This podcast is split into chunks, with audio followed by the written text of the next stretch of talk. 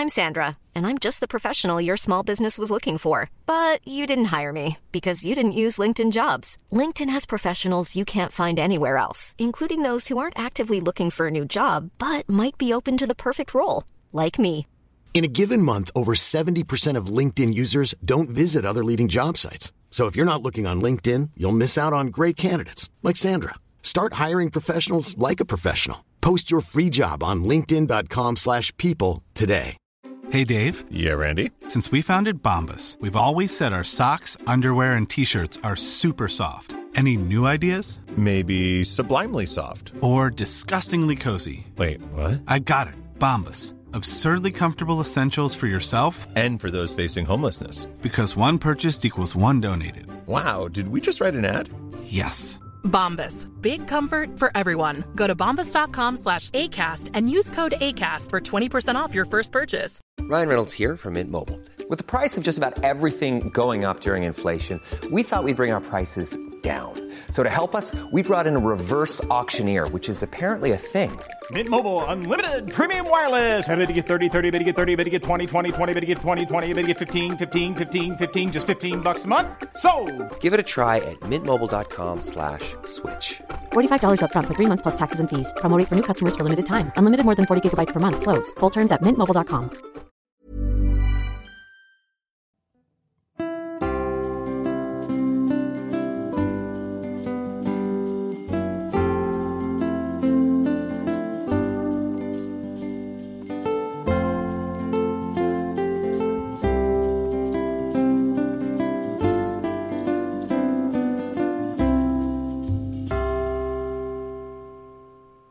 Jaha, Erik Nordström. Här sitter vi i ditt kök och dricker kaffe. Hur, hur ofta gör du det? Ja, en, någon gång på, dag, på dagen sådär, vid lunch kanske, på morgonen såklart. Och kanske en gång på kvällen, men eh, nej, men det är väl trevligt. Du har tid att sitta ner vid köksbordet och dricka kaffe. ja, ja absolut. Det får man göra sig tid till. Välkommen till Ridsportspodd, Erik Nordström. Och om du nu ska berätta lite för någon som du aldrig har träffat förut, vem du är, hur, hur säger du då? Oj, jag är en eh, kille 21 år som eh, ja, försöker vara snäll och trevlig mot alla och eh, har mycket humor och tycker om att vara roligt och ja, ser mig ofta på medel och på en häst. Ja, Ja. det är där vi kommer in. Ja, det är därför precis. vi är här. För att prata med, vad ska vi säga, hästkillen Erik Nordström. ja. Mm. Alltså, du har visserligen haft nära till det här med hästar hela ditt liv, men det tog ett tag innan du själv kom upp på den där hästryggen. Ja, så var det. Jag har mamma som har varit eh, hästskötare åt Åke Hultberg när han red under sina glansdagar. Men, eh, och sen så då pappa har tävlat både fälttävlan och hoppning och så med Rolf-Göran i släkten och ja, allt det där så. Men det har alltid funnits häst. Vi har alltid spenderat så en vecka på sommaren i Falsterbo och, och sen på Skandinavium på tidigt på våren och suttit på läktaren och allt sånt alltid, hela veckorna. Så att, eh, men eh, pappas var fotbollstränare och min bror spelade fotboll och då spelade jag också fotboll och sen så kom vi in på hästarna lite sent. Du kom in på hästarna lite sent, Ja. eller, och hur var det med övriga familjen? Var det andra som hängde på lite snabbare? Ja, vi hade ett, eh, redan när jag var 6-7 år så köpte vi farmor och farfars gård. Så att eh, där vi hade hästar då och nästan, ja så hela uppväxten nästan så hade vi häst. Min syster red lite då och då. Så, eh, och tävlade bara upp till ett C-nivå så här. Väldigt låg nivå. Men eh, häst har det alltid funnits liksom. Men, eh, men det blev så att eh, mamma hade en eh, jobbarkompis som hade en eh, ponny de ville att jag skulle rida lite på. Så då red jag lite på den. Och sen så kom de lite efterhand. Ja, alltså, det är någonting där om att eh, det tog inte jättelång tid från det att du var uppe på hästryggen till att du faktiskt red SM. Mm, Nej, jag red på den ponnyn. Jag, en ponny jag fick låna där eh, av eh, Disney Time, hette den, av en familj i Helsingborg. Mm. Så, som köpte tillbaka den. Hon hade haft den som när hon var yngre. Så hade den varit i Danmark och tävlat i flera år. Så köpte de tillbaka den och skulle pensioneras. När den var, jag tror han var 23 då, eller något sånt. Men han var lite pigg, så då fick jag låna honom. Så att eh, jag gjorde, debuterade 40 centimeter på penjamp i dagsstopp och sen så nästan på dagen ett år senare så red jag SM i Sundsvall på den. Alltså, där, sådana där historier är ju inte bra att höra för oss som har kämpat och slitit och aldrig kommit upp till den här nivån. Va, vad tänker du, fanns det, fanns det liksom i blodet på dig, eller vad var det? Eller var det omgivningen som var väldigt coachande? Ja, många, många kunniga runt omkring mig såklart. Men eh, nej, en, en väldig vilja till att, att du ska få, få det här bandet med hästen och klättra i klasserna och så. Så att, eh, nej, men det är både vilja och mycket kunskap runt omkring mig. Mm. Um, Det finns ju, ja, du har ju själv berättat om det i bloggen på ridsport, men alltså, du var ju inte gammal när du förklarade att du skulle nog bli bättre än din gudfar då, Rolf-Göran. Nej, det var lite kort efter där eh, Rolf-Göran hade vunnit EM i Madrid 2011. Så i Falsterbo på sommaren där så berättade jag för hans hästägare Alfonso Romo som hade Lasilla, hästarna Ninja, Lasilla och alla, vad de, allt vad de hette. Men eh, då berättade jag för honom att jag skulle bli bättre Rolf-Göran och att jag skulle sjunga i pauserna. Ja. Och vilket av dem har inträffat så här långt? eh, någon gång kanske jag har varit lite bättre än Rolf-Göran i någon lägre klass när vi har mötts, men det är inte många gånger. Men, eh, och sången, den har det inte blivit något med direkt.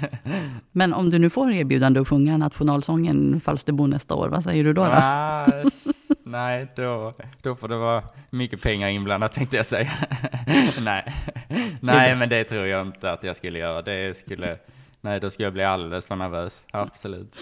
Jaha, nervös över att sjunga, men Ja. nervös över att hoppa 1,50. Hur är nervositeten Nej. där då? Nej, Nej. den är inte så, då är jag inte så nervös. Men eh, ja, det är väl som folk säger, visst det är ju många sådana studier visar ju att folk tycker det är värre att stå och prata inför folken och än för rädda för döden i sig själv. Så att, eh, Ja, men visst, visst är det konstigt? ja, väldigt märkligt. Men Mm. eh, lite så är det. Jag, nej, jag alldeles för stor scenskräck. Okej. Mm. Nej, Att göra någonting på egen göra. hand, men Ja. inte tillsammans med hästen. Prata går bra så inför Ja. folk. Och, Ja, men eh, sjunga det, nej, aldrig. Nej men, där ser man. Ja. Att vara, få sådana här nojor inför vissa situationer, det, det känner vi väl alla igen. Ja. Vad, vad triggar, vad är det som triggar igång det? Vad kan det alltså, rent fysiskt så är det ju farligare att hoppa Ja. en 1,50-bana Ja. än att ställa sig och sjunga. Ja, gud ja. Ja. Ja, nej jag vet faktiskt inte. Det är väl väldigt märkligt.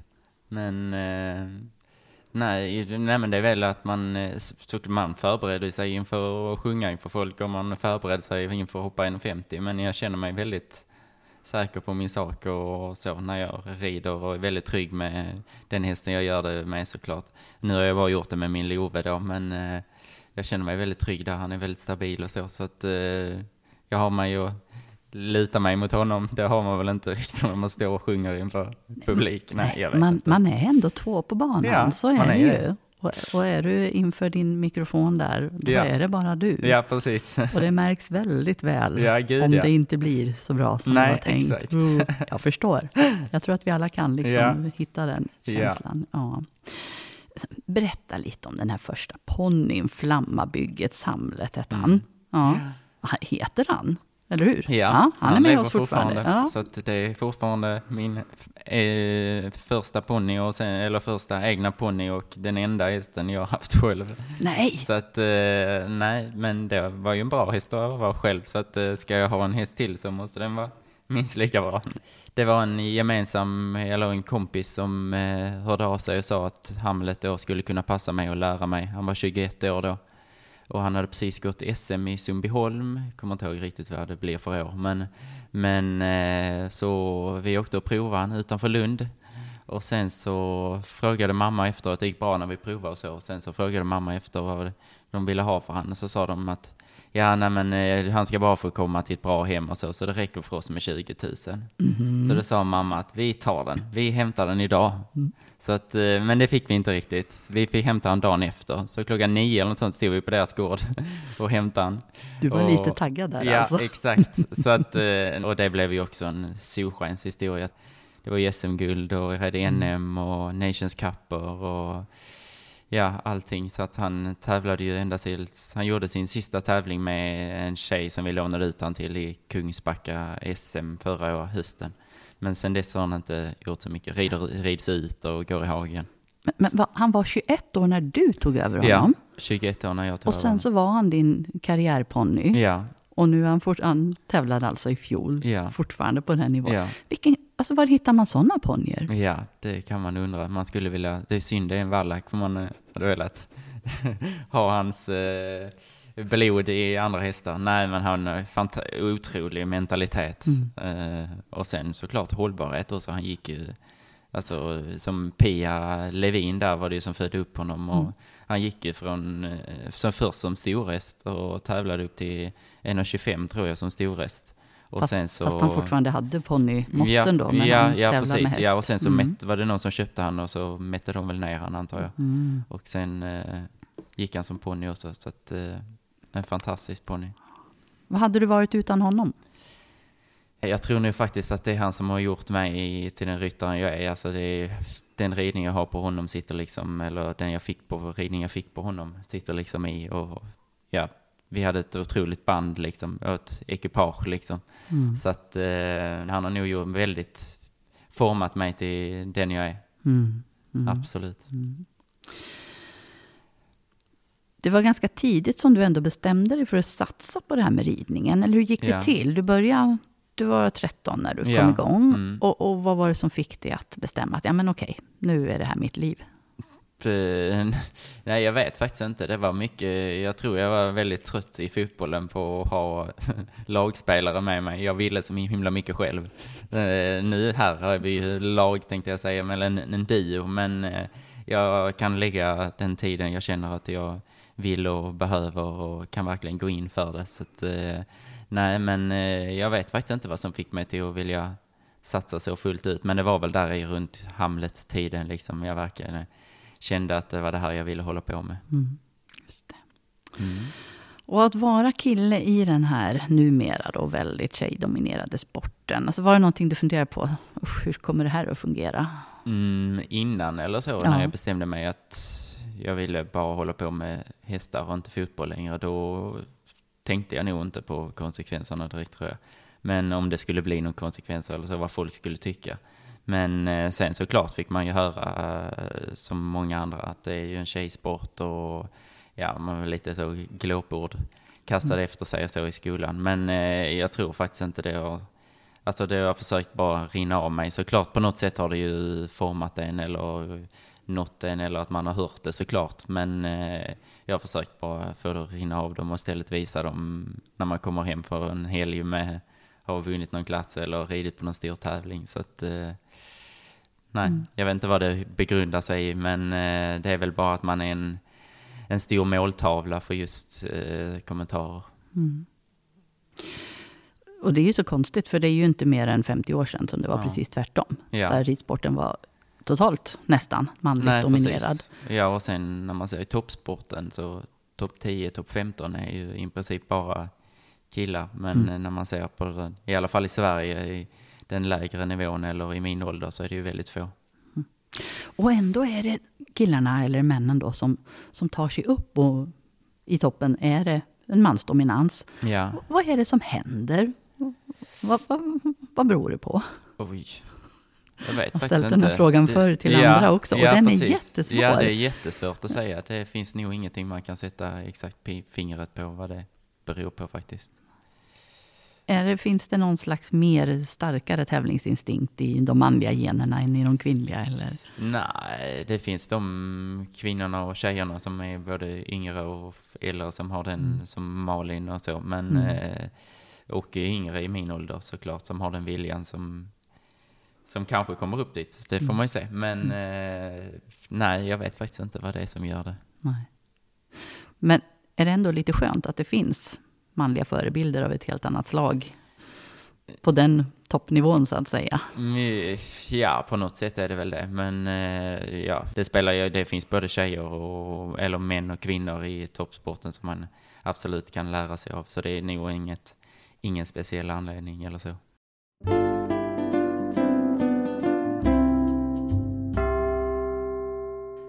Ridsportpodden lyssnar du på och det här är ett samtal mellan mig, Anna Nyberg och eh, Erik Nordström. Vi sitter i Eriks kök på Fulltofta gård. Någonstans i Skåne, fråga mig inte exakt var, men mellan Hörby och Hör ungefär precis. kanske. Exakt. Där är vi. Ja. och eh, vi var inne lite på det här med förebilder. Vill du nämna några förebilder som du har i din ridning? Mm, såklart så är det ju Rolf-Göran. I och med att han ligger en är nära liksom. Man kan ha sett, man har sett han eh, tätt inpå både hemma och på tävling under många år. Men eh, nej, Henrik von Eckermann och sen Steve Goddard, Harry Smolders, såklart eh, Malin och de här vanliga tänkte jag säga. Men de som eh, håller på i toppsporten och så och tävlar stora tävlingar och lyckas med bra saker tänkte jag säga. Men eh, Nej, men eh, det blir ju mycket Rolf-Göran i och med att vi har så tät kontakt och jag har sett honom både hemma vid och nära på framhoppningar och så. Vad sa han när du sa att ja, men, okej, nu kör jag ridsport också? Har han applåderat dig? Jag tror, det är, jag tror att han tycker det är väldigt roligt faktiskt. Så att eh, pappa och han har eh, nog väldigt nära kontakt nästan dagligen. Så att eh, eh, pratar, så berättar inte Rolf-Göran, eh, eller min pappa för Rolf-Göran hur det går med hästarna och allt sånt så har jag kontakten med Rolf-Göran och skickar lite filmer och så. Okej. Och vad får du tillbaka då? Får du bara applåder eller får du, ja men den där, nu missar du lite och nu räknar du inte avståndet där? Eller? Det kommer alltid tillbaka i form av röstmeddelanden eller ljudmeddelanden. Okej. Det är inte så skickade sms, utan det är ljudmeddelande. Och börjar han med ja eller någonting sånt, då vet man om att det är lite positivt. Då är det så. Men, eh, annars är det såklart han är inte hård eller så. Men, men eh, det är väldigt mycket detaljer och så såklart. Så att eh, han vill ju också att jag ska lyckas och lära mig ännu mer liksom. Så att eh, nej men det är, det är väldigt bra ljudmeddelanden måste jag säga. Det är väldigt mycket man kan ta nytta av. Vad bra. För just nu har du ingen så här, daglig tränare eller någon som du tränar för Nej, inte just nu faktiskt. Jag, nej, faktiskt inte. Jag har faktiskt eh, lite att man vill hitta någon som man verkligen får det här bandet med, liksom, som man, Mm. man verkligen litar på varandra. Man känner att man kan eh, ja, men diskutera och, och så. Och den, den hjälpen har jag ju från Rolf Göran när jag skickar film och så. Sen är det ju liksom lite svårt i och med att han bor i Tyskland och så. Mm. Men eh, jag har varit nere några gånger och Rolf Göran kommer lite oftare tillbaka nu när han inte direkt har någon så här jättetopp eh, liksom eh, häst eller så. Så i och med att han blev av, av med Armindo och så. Men eh, så han har kommit hem lite oftare nu så att, eh, det är ju bra. Men eh, annars så har jag ingen så direkt just nu som på daglig basis. Och vad innebär det då? Hur, hur, hur stor är risken att du sitter och trimmar in lite felaktigheter? eller sådär, ta lite genvägar? eller? Ja, Mm. nej, jag försöker lita på vad jag kan och så. Men, Mm. eh, nej, men jag vill verkligen hitta någon som jag verkligen kan Mm. lita på och ha det här bandet med. Liksom. Så att, och det är inte lätt heller. Nej, det, det gäller Sen att det ska... de, många av dem som är liksom, vad ska man säga, mitt i det eller i toppsporten, de har ju sin karriär liksom, Mm. och tävlingar och långa resor. Så att man vet ju hur det är. Och ändå här, alltså, för mig som kommer från Västergötland, då, det Ja. känns ju som att det är hästgårdar och hästfolk precis överallt. Ja, det är det. Ni, ni är omgivna av dem, men Ja. det kan ändå vara svårt Ja att hitta det, rätt. det, ja, det kan absolut vara svårt. Och någon som verkligen har tiden till det. Och när jag har åtta hästar i träning som jag har nu så måste vi lite eh, någon som verkligen har tiden till det också. Så att, nej, det är inte helt lätt. Erik Nordström, gudfar heter alltså Rolf-Göran Bengtsson. Det har vi pratat om lite. Va, vad innebär det för, som en ingång i den här sporten som ju ändå är, alltså det bygger mycket på att man har familj, tradition, hästar, ja, rätt väg in. Va, va, vilka dörrar öppnar Rolf-Göran för dig? Eh, nu, jag tror hade man bott i Sverige så kanske det hade varit en annan grej. Att man får en närmare eh, relation eller vad man ska säga.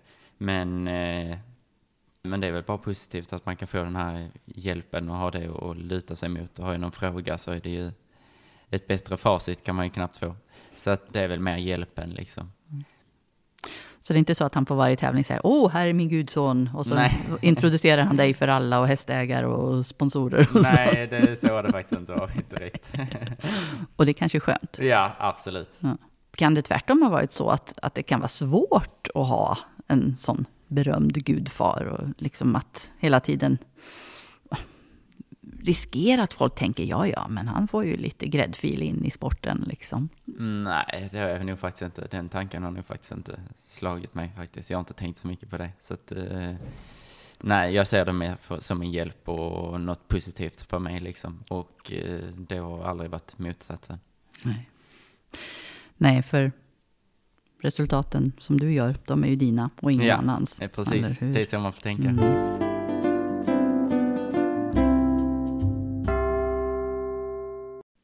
När vi sitter här så är det en ganska gråmulen dag i slutet av november. Och Erik, du har ju varit bloggare på ridsport nu under någon månads tid vid det här laget. Vad, vad var det som fick dig att vilja börja blogga?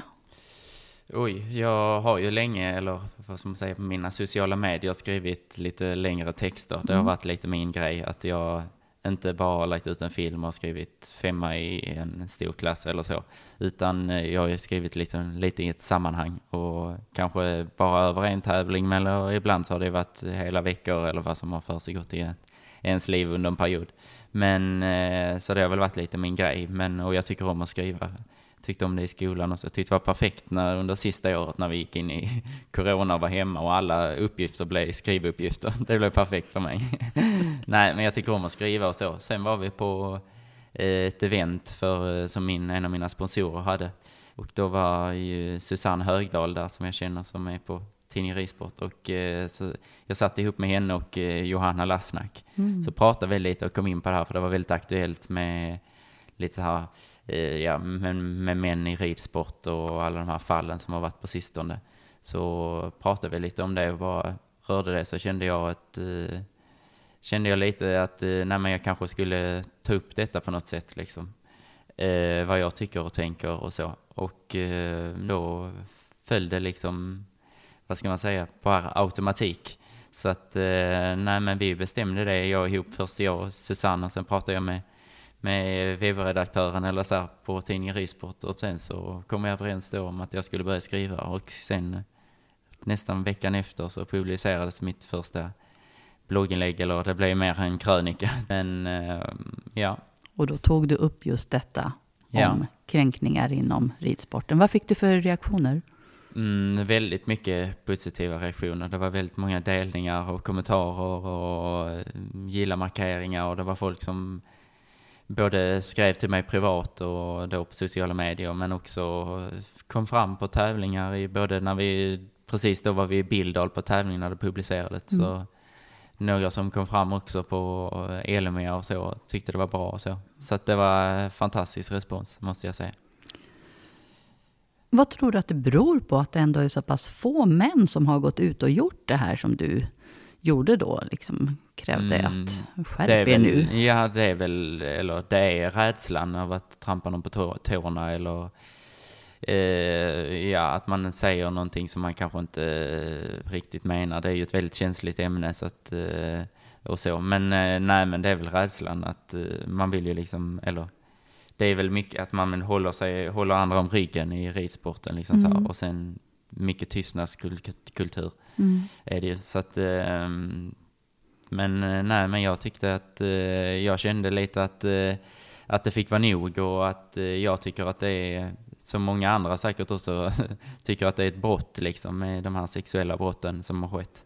Så att, och att vi måste göra något åt det och att det har varit ett problem under många år. Man har hört historier och Och det har, liknande. det har att, även du eh, som är ganska ung, du har hört historierna ja, alltså? Ja, absolut. Och, och vad har du tänkt? Att, för det har vi säkert alla liksom, Mm. hört historierna, men hur många går till botten och frågar ja, men varför har ingen tagit upp det här?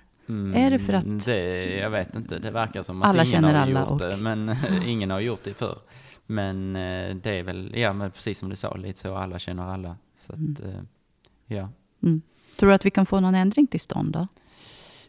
Det hoppas jag verkligen. Och nu med när det har varit för några år sedan med metoo och allt sånt. Så vi går ju närmare en lösning tänkte jag säga. Det blir ju, Mm. hoppas det blir bättre och det känns som att det blir bättre och i och med att, ja men bara som att vi sitter och pratar om det här kommer ju förhoppningsvis att hjälpa. Så att, eh, ja. Mm. Eh, Just nu under hösten så visas ju också den här eh, tv-serien Nattryttarna. Och jag Ja. vet att du och Sofie Jan, då, en av personerna bakom de verkliga händelserna, Ja. ni har pratats vid. Och hon menar att just stallkulturen har, alltså det finns saker i stallmiljön som gör att det är extra, mm, det blir, det finns en större risk för sexuella kränkningar.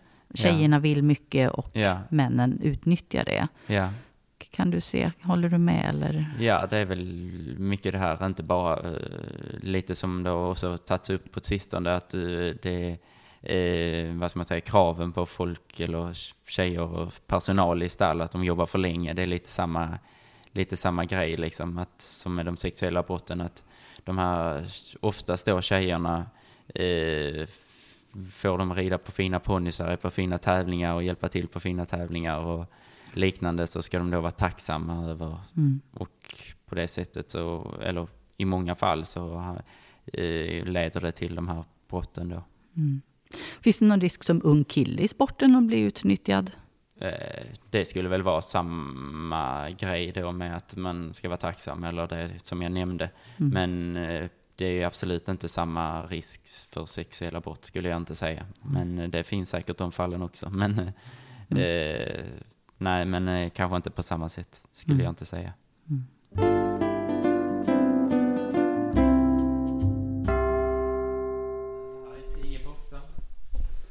Här går vi i stallet hemma hos Erik Nordström. Tio boxar, alla är färdigmockade för idag. Japp, det är de. Så det är skönt, skön känsla när man kan ta in dem sen. Bra stall här. Ja, absolut. Det fungerar, fungerar väldigt bra. Det är precis så vi faktiskt flyttade upp här igen i, igår bara. Så att eh, det har varit lite renovering, man säger, höjt taket och så. Ja, Så alldeles att, eh, nytt tak här ja. Mm, ja, nej, mm. så det fungerar väldigt bra. Det är väldigt skönt. Det är stora, fina boxar och väldigt ljust och trevligt. Så att, eh, nej, vi klagar inte. Precis, förutom att det är mycket mockning då. Ja, ja det blir ju det. Hur, hur tänker du om att mocka? Är det kul? Ja, någon gång då och då. Nu har jag väldigt skönt med min syster som hjälper mig nästan varje dag. Men eh, någon gång eh, då och då är det ju väldigt skönt, måste jag ändå säga, lite rogivande. Lyssna på en podd eller lyssna på lite musik och bara gå i sina egna tankar. Ja, ja, här har vi sadelkammaren. Oj! Ordning och reda. Är det du som är ordningsam eller? Ja, det är min syster måste jag ge henne faktiskt. Hon städar och donar.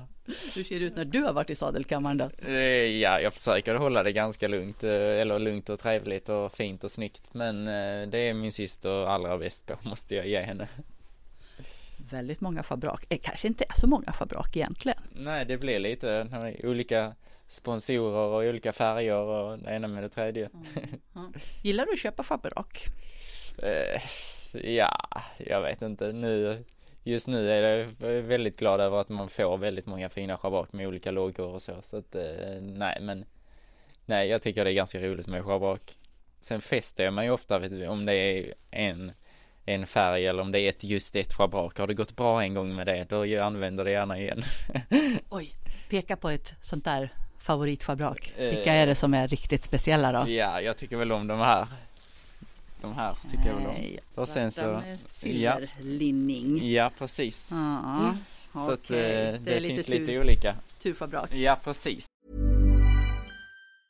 Jewelry isn't a gift you give just once. It's a way to remind your loved one of a beautiful moment every time they see it. Blue Nile can help you find the gift that says how you feel and says it beautifully with expert guidance and a wide assortment of jewelry of the highest quality at the best price. Go to BlueNile.com and experience the convenience of shopping Blue Nile, the original online jeweler since 1999. That's BlueNile.com to find the perfect jewelry gift for any occasion. BlueNile.com.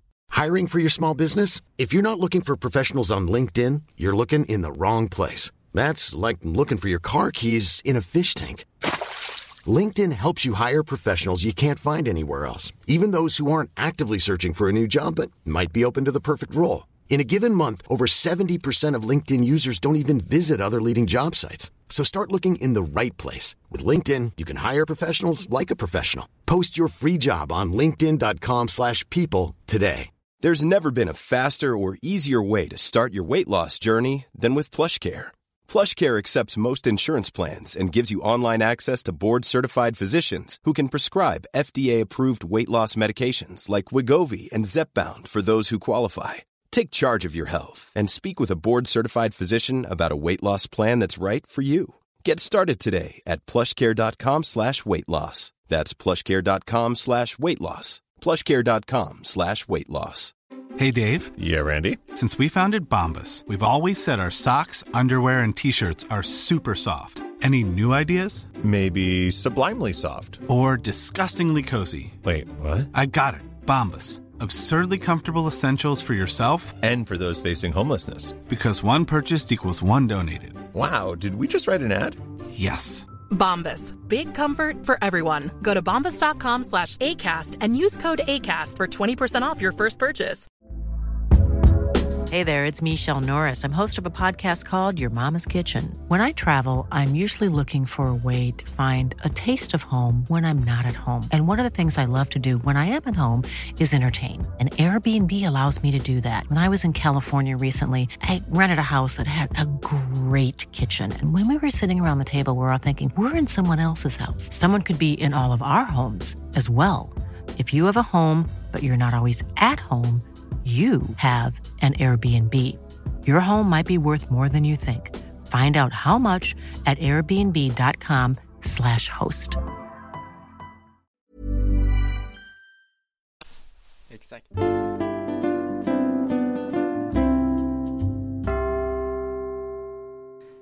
Erik Nordström, 21 år ung hoppryttare, sitter hemma i ditt kök här i Fulltofta. Hästarna är väl någonstans här utanför antar jag, eller är de inne i stallet? Vad gör de så här dags? Är mitt på dagen ungefär. Ja, klockan är ju halv två här så att de är ute i hagen fått lite luncha lite tidigare så de står i hagen här bakom oss, Mm. bakom stallet. Så att eh, de står nog och har det, har det lugnt och trevligt, hoppas jag.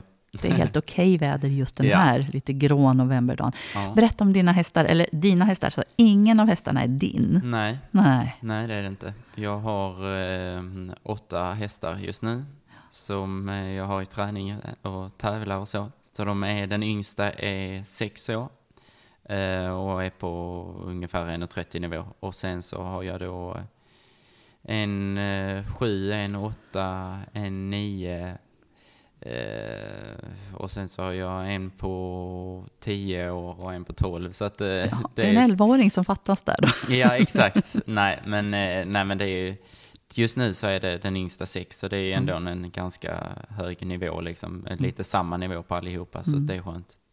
Inga riktigt unga hästar, är nej, medvetet? inte just nu, eller? faktiskt Nej. inte. Men eh, på, något, eh, på någon punkt så kommer det ju komma det också, att man måste bygga underifrån, så är det ju. Mm. Men eh, just nu har jag, som jag säger, förmånen att ha lite äldre hästar som jag kan tävla lite större på, så det är jag fantastiskt Mm. tacksam över. Vilket är roligast? Är det det roligaste att vara, att ha tävlingsklara hästar? Som... Mm, ja, absolut det är det ju. Mm. Men såklart är det roligt med yngre hästar som man ser så mycket framgång, eller framgångar, men eh, att eh, de utvecklas så himla mycket så fort. Men eh, nej, jag tycker det är väldigt roligt med de äldre hästarna och slipa på detaljer och så.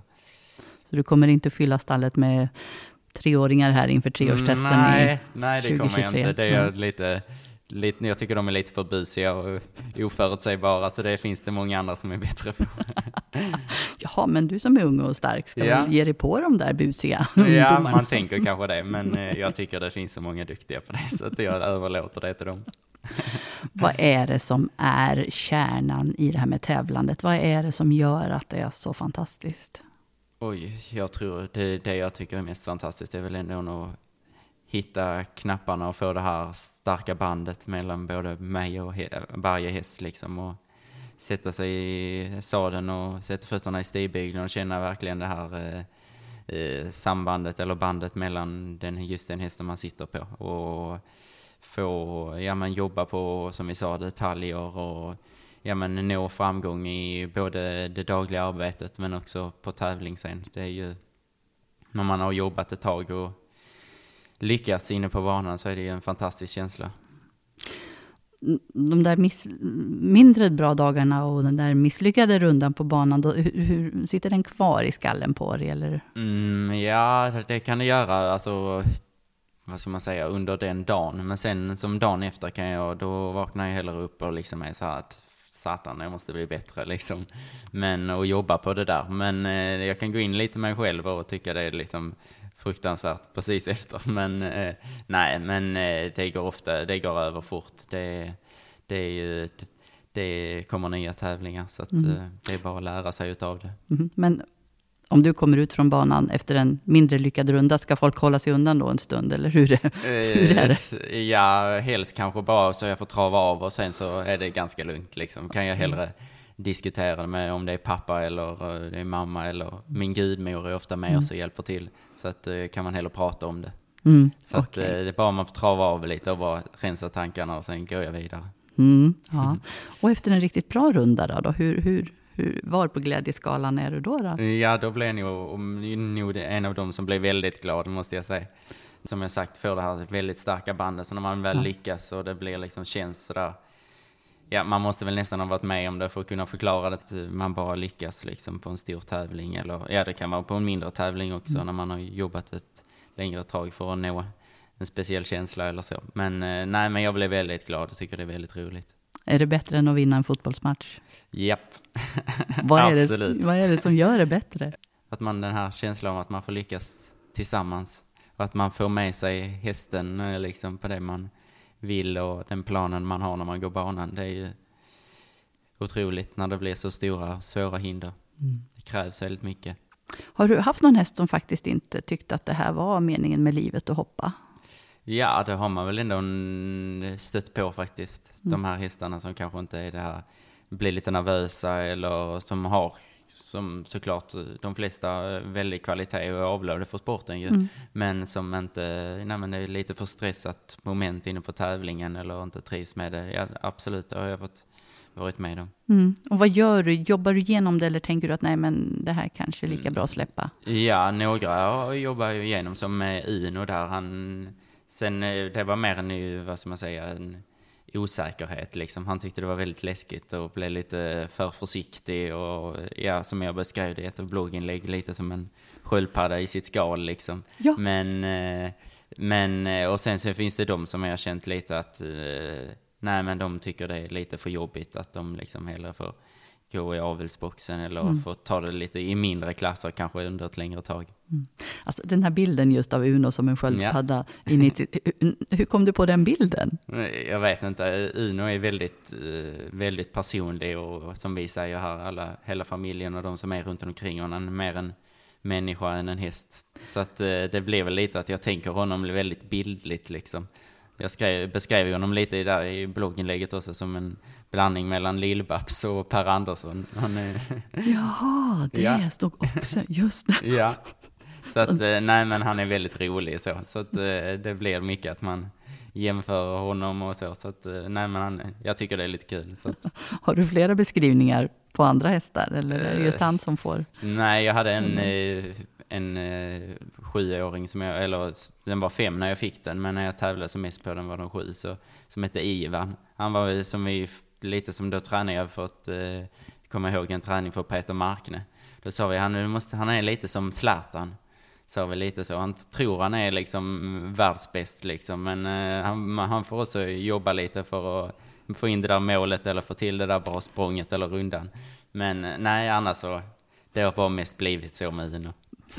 och Ivan, den, det var Ebba Danielssons ja. häst som du ja, red, för du exakt. var uppe där i höll jag på att säga, mina gamla hemtrakter i ja. Nora. Ja, precis. Och, eh, ja. ja, men Bergslagen versus Skåne, Skåne vann där alltså. Ja, det blev så, men det var väldigt fint där uppe. Det var eh, Ebba och Eva, så familjen Danielssons gård där ligger otroligt fint. Det är mm. väldigt fint med all skog och så, men mm. Eh, det blev Skåne. Mm, just det. Mm. Och här har du närheten till kontinenten till exempel. Ja. Och jag vet, du har ju varit ute den här hösten en del. Ja, ja, absolut. Och vad betyder det att ha liksom Europa i närheten? Ja, nu när man, när jag får så många bra hästar eller på en högre nivå så kan jag ta ett par och åka mm. utomlands. Och som vi sa nu, vi var nere i Riesenbeck för ett par månader sedan i Tyskland. Och vi hade ju närmare dit än vad vi har till när vi åkte förra hösten till Friends Arena. Så att eh, det blir ju, nej men det blir väl att det är fantastiskt eh, att man har möjligheten att liksom att det är så nära. Mm. Absolut. Längtar du efter att bo utomlands också? Mm, ja, som, eh, som det är just nu så trivs jag väldigt bra med hur jag har det. Jag har ju väldigt många fina hästar på hög nivå och det är svårt att få i, på ett, i ett stall utomlands. Sen samtidigt så finns det ju otroligt eh, träningsmöjligheter och eh, en möjlighet till utveckling rent eh, som mig som ryttare och få hjälp mer än vad jag har här. Men eh, hästmässigt så är jag väldigt tacksam och glad över hur jag har det just nu och eh, har inga tankar på utlandet i, som det ser ut just nu. Mm. För, ja, bara kan tänka att du har väl ett stående erbjudande hos Rolf-Göran, eller hur ser det ut?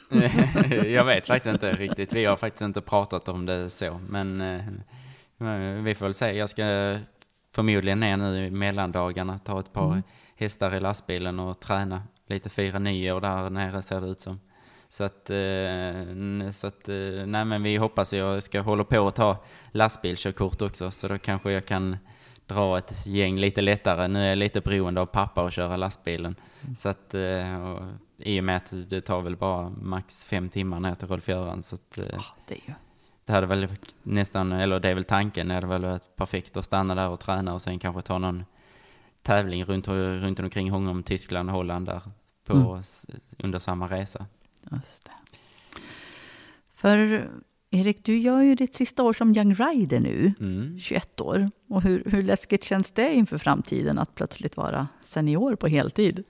Det är väl lite blandade känslor. Det är fantastiskt roligt med Young Rider och få rida mm. Nations Cup och, och alla de här serierna som går på sommaren till Falsterbo och eh, till Skandinavium, för det är fantastiska möjligheter och till erfarenhet och så. Mm, men sen samtidigt så att bli senior, det är lite skönt att man bara har sig själv liksom. Att man inte har den här, ännu lite press liksom. Man vill ju in i landslaget eller man vill mm. rida de här stora tävlingarna liksom och kvala och så. Men eh, nu finns det möjlighet till många bra kupper och så och göra det på i, som senior också. Men eh, nej, jag tycker nog det är ganska skönt. Och istället för att vara då äldst som young rider så blir du yngst som senior. Ja, precis. Och det kanske inte är så fel. Nej, nej, man slår underifrån. Vad tänker du om framtiden? Hur, hur, långt, hur långt kommer du att gå? Oj, det är svårt. Men mm. eh, såklart så sagt siktar man högt liksom. Och redan som det är just nu så tycker jag det är väldigt roligt att få tävla på 1,50 nivå, även fast jag bara har gjort 1,50 nu i Sverige än så länge. Men eh, Nej, men eh, såklart så hade man velat rida något mästerskap och så som senior också. Mm. Men eh, jag tycker det är som lite, det jag tycker det är så himla roligt med att få det här bandet mellan häst och så. Så att eh, för mig så är det nästan lika roligt med den här jättestora framgången med, som att, ja men att verkligen få det här bandet med en häst. Det, det är lite samma känsla. Och det ena, alltså det går ju förstås hand i hand. Ja, du kan gud, inte ja. komma till den högsta nivån utan att ha Nej. väldigt nära ja, relation till dina hästar. Absolut. Men om tio år, träffas vi här i köket igen då i Fulltofta, eller vart är vi då? Mm, ja, jag trivs väldigt bra här faktiskt. men, nej, men man kanske har sitt eh, eget uh, ställe, eller om man har, är utomlands eller vad man är. Men uh, förhoppningsvis så kan jag hålla mig på något sån här samma nivå, kanske lite högre. Mm. är väl drömmen. Nej, väl det är väl ungefär samma, antar jag. Vad tror du att ridsporten är om tio år? Det är ju så mycket som, ja, inte minst nu olika omvärldsfaktorer som ja. påverkar oss. Har vi mm. råd mm. att hålla på? Ja. Hästvälfärden är otroligt mycket i fokus. Ja. Ja, vad, vad tänker du?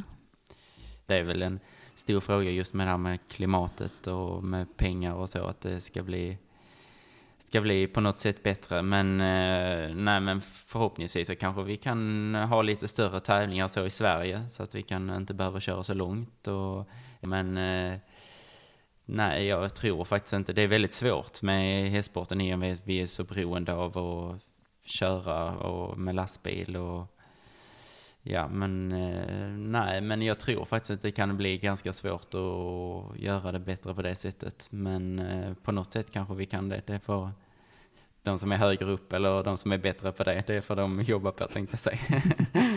Men vad, vad, vad, finns det för kärnvärden i ridsporten som ändå gör det värt det? Ja, ja det, det är ju, vad ska man säga, den fantastiska att man kan få det så, de här stora djuren till att göra det här fantastiska liksom och att de bidrar så mycket till Eh, inte bara till oss som håller på i toppsporten utan till den vanliga människan liksom som bara har dem liksom som sällskapsdjur. Mm. Men eh, nej, men eh, det är ju svårt. Det är ju, det är ju en stor måltavla det med liksom med att eh, det är ju ändå ett djur vi har i en sport liksom. Vi har dem i, vad ska man säga, trånga utrymmen och de är vana vid att leva i flock liksom på stora fält liksom. Men, och här har vi dem i box och en hage och så. Så det är ju såklart så är det ju en, som jag sa, stor måltavla liksom. Men, eh, Känner du att du har varit måltavla för den typen av frågor eller nej, absolut. anklagelser? Nej, det har mm. jag inte. Det är väl mer att det är de som är högre upp liksom och mm. som beslutsfattare som har det. Mm. Men eh, jag hoppas verkligen att vi får fortsätta på det sättet som vi gör. Jag pratade med Marlon Modolo Sanotelli för ett par år sedan och ja. han pratade om ridsporten som, som, som den stora familjen och ja. som liksom man når över alla gränser. Ja. Och hur det liksom är ett internationellt, vad ska man säga, samhörighet gud, där vi alla förs ihop av hästarna. Hästfolket är väl, det man, det är väl en sekt som de flesta säger. Vi har vunnit Jerringpriset många år och så när det blir folklig, folklig röstning. Så mm. att, eh, nej, men det är ju det är verkligen en stor familj mm. som sträcker sig inte bara i Sverige utan även i hela världen.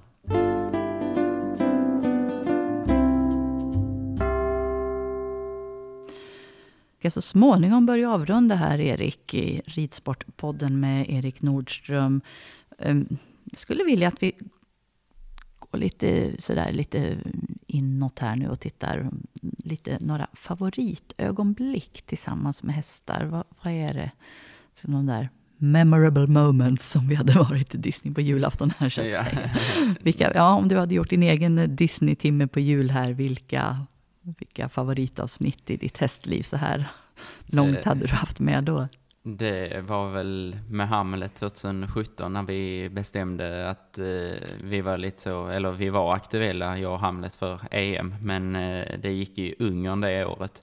Så det var ju flera dagars körning och eh, man, som, som man liksom kunde förutspå så skulle det vara runt 40 grader när vi tävlade. Mm. Och eh, han var ju 23 då, om jag inte minns fel. Så att eh, då kände vi att det blev lite för stor påfrestning och så. Så då valde vi att rida SM i Sundbyholm hela det året. Mm. Och, ehm, och så lyckades vi då rida felfritt alla tre dagarna. Eller jag hade tidsfel i finalen, men eh, så jag fick ju guld där.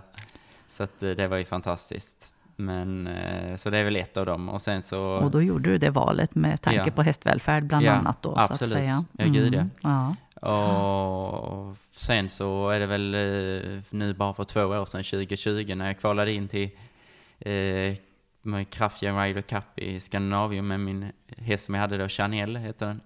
Eh, och sen så när vi red under eh, onsdagen där tror jag det var, men en dag innan tävlingarna skulle börja, så red vi inne på arenan då liksom och skulle, hon skulle bara få kolla runt liksom. Men, och så kände jag att det var lite kändes lite konstigt under mig. Så hästen, hon blev halt där inne. Och eh, så hade vi lite så, liksom, vad ska man säga, vi fick lite så panik. Men eh, såklart vill man ju rida när man får den möjligheten. Och eh, i och med att jag hade startat ett kval med min eh, andra häst då, Empress heter den. Så eh, om jag hade möjlighet till att få upp den hästen på tävlingen till morgonen tidigt morgonen dagen efter så fick jag tävla den liksom. Men den var tvungen att vara på besiktningen då. Och eh, då ringde vi eh, till Rolf Göran för vi visste om att han var på väg upp till Skandinavien med sina hästar från Tyskland. Och så var han på bron just då i Köpenhamn, mellan Köpenhamn och Sverige. Så eh, sa pappa till honom, men kan du köra inom Eslöv och gå hemma på gården och så plocka upp M då. Så hon kan åka med med dina hästar upp till Skandinavien för min häst då hade blivit halt. Så sa han, ja, ja, det gör jag. Så att eh, pappa var i, på jobbet då, så han körde hem. Och så gick hon i hagen där, så att han spolade av benen. Det var lerigt då, det var ju februari någon gång. Och så skulle han försöka få på någon skydd där, kommer jag ihåg. Jag skulle försöka linda benen och sätta på något sånt lite finare transporttäcke. Mm. Och sen så lastade de på här, så Rolf Göran hade, om jag inte minns fel, så hade han tre hingstar. Och sen min var ju ett sto då. Oh. Men eh, så hon fick stå längst ut, så de gjorde plats liksom. Och det gick bra, de körde upp. Men eh, så stod hon ju då längst ut. Och så när de slog ner lämmen på eh, lastbilen när vi kom till Skandinavien så hade alla lindorna trillat av och täcket låg vid sidan och pappa hade liksom, skulle göra detta idag i stress liksom och bara få med hästen fort liksom.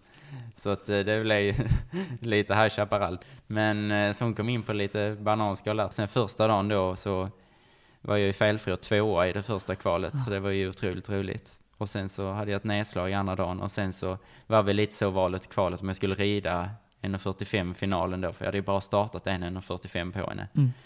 Och det är ju ändå stort liksom och så, och en stor klass. Och eh, vi, det fanns ju de ekipagen i startfältet som hade väldigt mycket mer erfarenhet. Men Rolf Göran sa det, ja men du kan bara ta det som en träning och vi gick in där och så sa han nu hoppar hinder för hinder och sen så tänker du verkligen på det vi har pratat om och tränat på som du har lärt dig under de här två dagarna då innan. Och sen så gick jag in där och liksom var helt cool lugn, inte tillstymmelse till nervositet eller press eller någonting. Och sen så kommer jag ihåg när jag hoppat igenom trekombinationen så hade jag två hinder kvar och då bara, ja, fan jag är felfri fortfarande liksom. Och sen så hoppade hon igenom två sista hindren och det var ingen annan som var felfri och då vann vi ju. Så att, eh, det var ju också en sån eh, otrolig grej liksom. Så att, eh, att man bara fick vara med om det liksom och stå i, längst fram och i, i Falster, eller vet du, i Skandinavium liksom. Det har man ju bara, det är ju allas dröm. Och fulla läktare och ja, alla jublade. Precis, och, allting. Så att ja. strålkastarljuset där på mm. mig och Frida ja, men, segerintervju och ärvar och så, det är fantastiskt. Så att, det är väl de två som är de som jag verkligen har närmast minnet. Men sen har jag också varit felfri, eller vet du, tvåa i både ponny Grand Prix och junior Grand Prix i Falsterbo och även fått rida lite. Mm. Och nu var det fantastiskt roligt när jag fick rida min första felfria 1,50 ja. i Bildal. Det var ju en sån dröm man har haft länge liksom och blev trea där. Så att, eh, nej, men man har ändå varit med om en del. 21 år och har redan sådana otroliga... Så den här magin som mm. skapas. Mm. Ja. Alltså, vad är det som skapar magin? Ja, det är verkligen en magi. Alltså. Det är, mm. Nej, det är, jag vet inte vad det är som gör det, men det är ett fantastiskt, en fantastisk känsla när man får den här uh, kemin emellan mm. häst och ryttare. Det är, det är väldigt svårt att förklara om man inte har varit med om det själv, men uh, nej, det är, nej, det är verkligen en magi. Mm. Om du skulle säga något till alla yngre på väg upp i sporten, ja. som, alltså, vad krävs för att bli Erik Nordström? Det är väl mycket man får, ska vara liksom eh, ambitiös och jobba och jobba på liksom och inte låta sig påverkas för mycket av andra och att verkligen träna hårt liksom, även fast du bara rider på, som jag gjorde mycket när jag red ut, eller rider ut fortfarande, men mm. att man när man bara rider ut så kan man bara se en, om det är en maskros eller en vattenpöl liksom, och så tänka att det är ett litet hinder och rida an så man övar avsprångspunkten liksom. Så att eh, det är väl bara så att man, nej, men man verkligen ska vara ödmjuk ifrån och eh, verkligen lära sig och eh, jobba på liksom. Men, eh, och låta det ta tid liksom. Det är väl det jag tänker på tänka avsprångspunkter inför maskrosor. Ja. Alltså den är bra. Ja. Den är bra. Yes. Och eh, jag tänker att eh, alltså, man får ha dåliga dagar ja. även om man heter Erik Nordström. Absolut. Eller, mm. Så är det. Och vad det... gör du när du har riktigt dåliga dagar? Hur kommer du tillbaka? Mm, ja, det är väl, handlar väl oftast om att eh, då hoppar jag ju upp på hästryggen ändå såklart och kanske tar en runda i skogen bara med tre hästar i rad liksom och låter det mm. bara få vara både häst och mig själv var lite. Men eh, nej, det är väl, eh, jag kommer oftast på bra tankar när jag hoppar upp på någon av mina hästar. Jag, just nu så vi pratar om det lite i familjen, just nu när jag hoppar upp på alla de här olika åtta hästarna så är det ingen häst som jag känner så här, oh, det är så mycket jobb eller det känns jobbigt liksom, utan jag har den möjligheten just nu, eller som jag är väldigt tacksam över, att jag har fantastiskt fina hästar. Så att, eh, nej, jag känner mig väldigt eh, tacksam och nöjd och glad över att eh, få möjligheten till att rida så många olika fina hästar. Hur mycket tror du av den känslan av att du går upp i ett glädjefyllt tillstånd varje gång mm. du sitter upp, så att säga? Hur mycket ja. tror du hästen känner av det? Jag tror den känner väldigt mycket av det. Det brukar man ju säga att mm. hästen känner av om man är rädd eller så. Så att eh, det är en väldigt känslostyrt djur ju. Mm. Men eh, nej, jag tror, det är, jag tror det är väldigt viktigt att känna att man har roligt ihop. Absolut. Det här är ju en ridsportpodd i lite juletid och ja. Till slut då Erik Nordström. Vad är det bästa med julen? Oj, jag förknippar julen väldigt mycket med, vi firar nästan alla jular i Norrland, hos, i mamma, hos mammas släkt mm. som bor där uppe. Just nu i år gör vi inte det, men alla andra jular har vi firat där uppe. Så att eh, det är ju snö och skog och jag har en väldigt, inte den här slasken och det tråkiga mm. gråa som är i Skåne oftast. Utan jag har en väldigt, väldigt fin och rolig bild av eh, julen och nej, jag tycker det är en rolig högtid. Mm. inga slädturer till kyrkan i alla fall, inte så mycket riktig jul, eller? Uh, nej, här nere i år blir det absolut nej, inte det, men, men där uppe... uppe var det mycket skidor och skotrar och så, så att, uh, är väl inte jättemycket för julmaten egentligen, eller ja, det är ju samma midsommar och allt sånt, mm. det är väl inte riktigt min grej, men, men uh, nej, men jag tycker det är väldigt roligt och mysigt. Vad önskar du dig i julklapp? Oj, en till häst tänkte jag säga. Nej, det är väl det man säger oftast. Nej, jag vet faktiskt inte. Inget speciellt det jag faktiskt. Alltid en till häst på ja. önskelistan ja, det är det. hos Erik Nordström. Tack så hemskt mycket för det här samtalet. Ja, tack själv.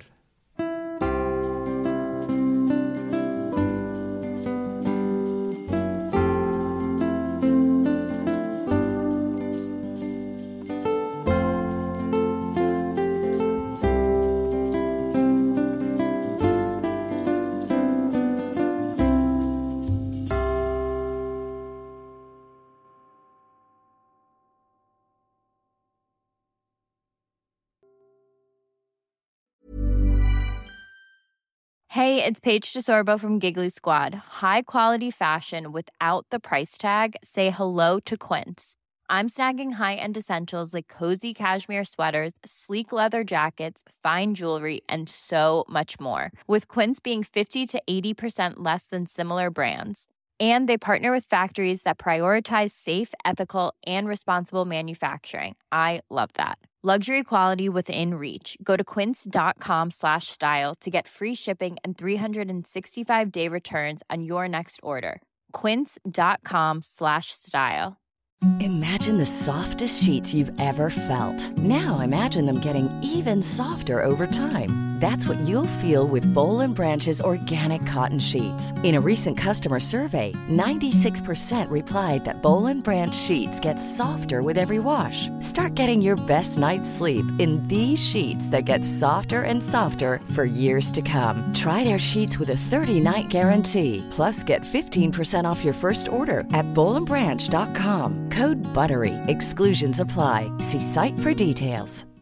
When you make decisions for your company, you look for the no-brainers. And if you have a lot of mailing to do, stamps.com is the ultimate no-brainer. It streamlines your processes to make your business more efficient, which makes you less busy. Mail checks, invoices, legal documents, and everything you need to keep your business running with stamps.com.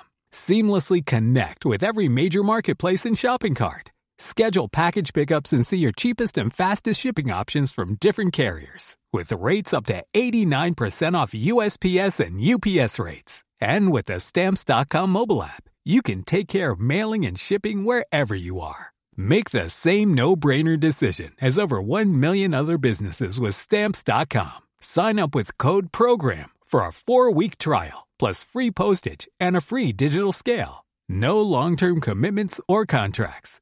That's stamps.com. Code program.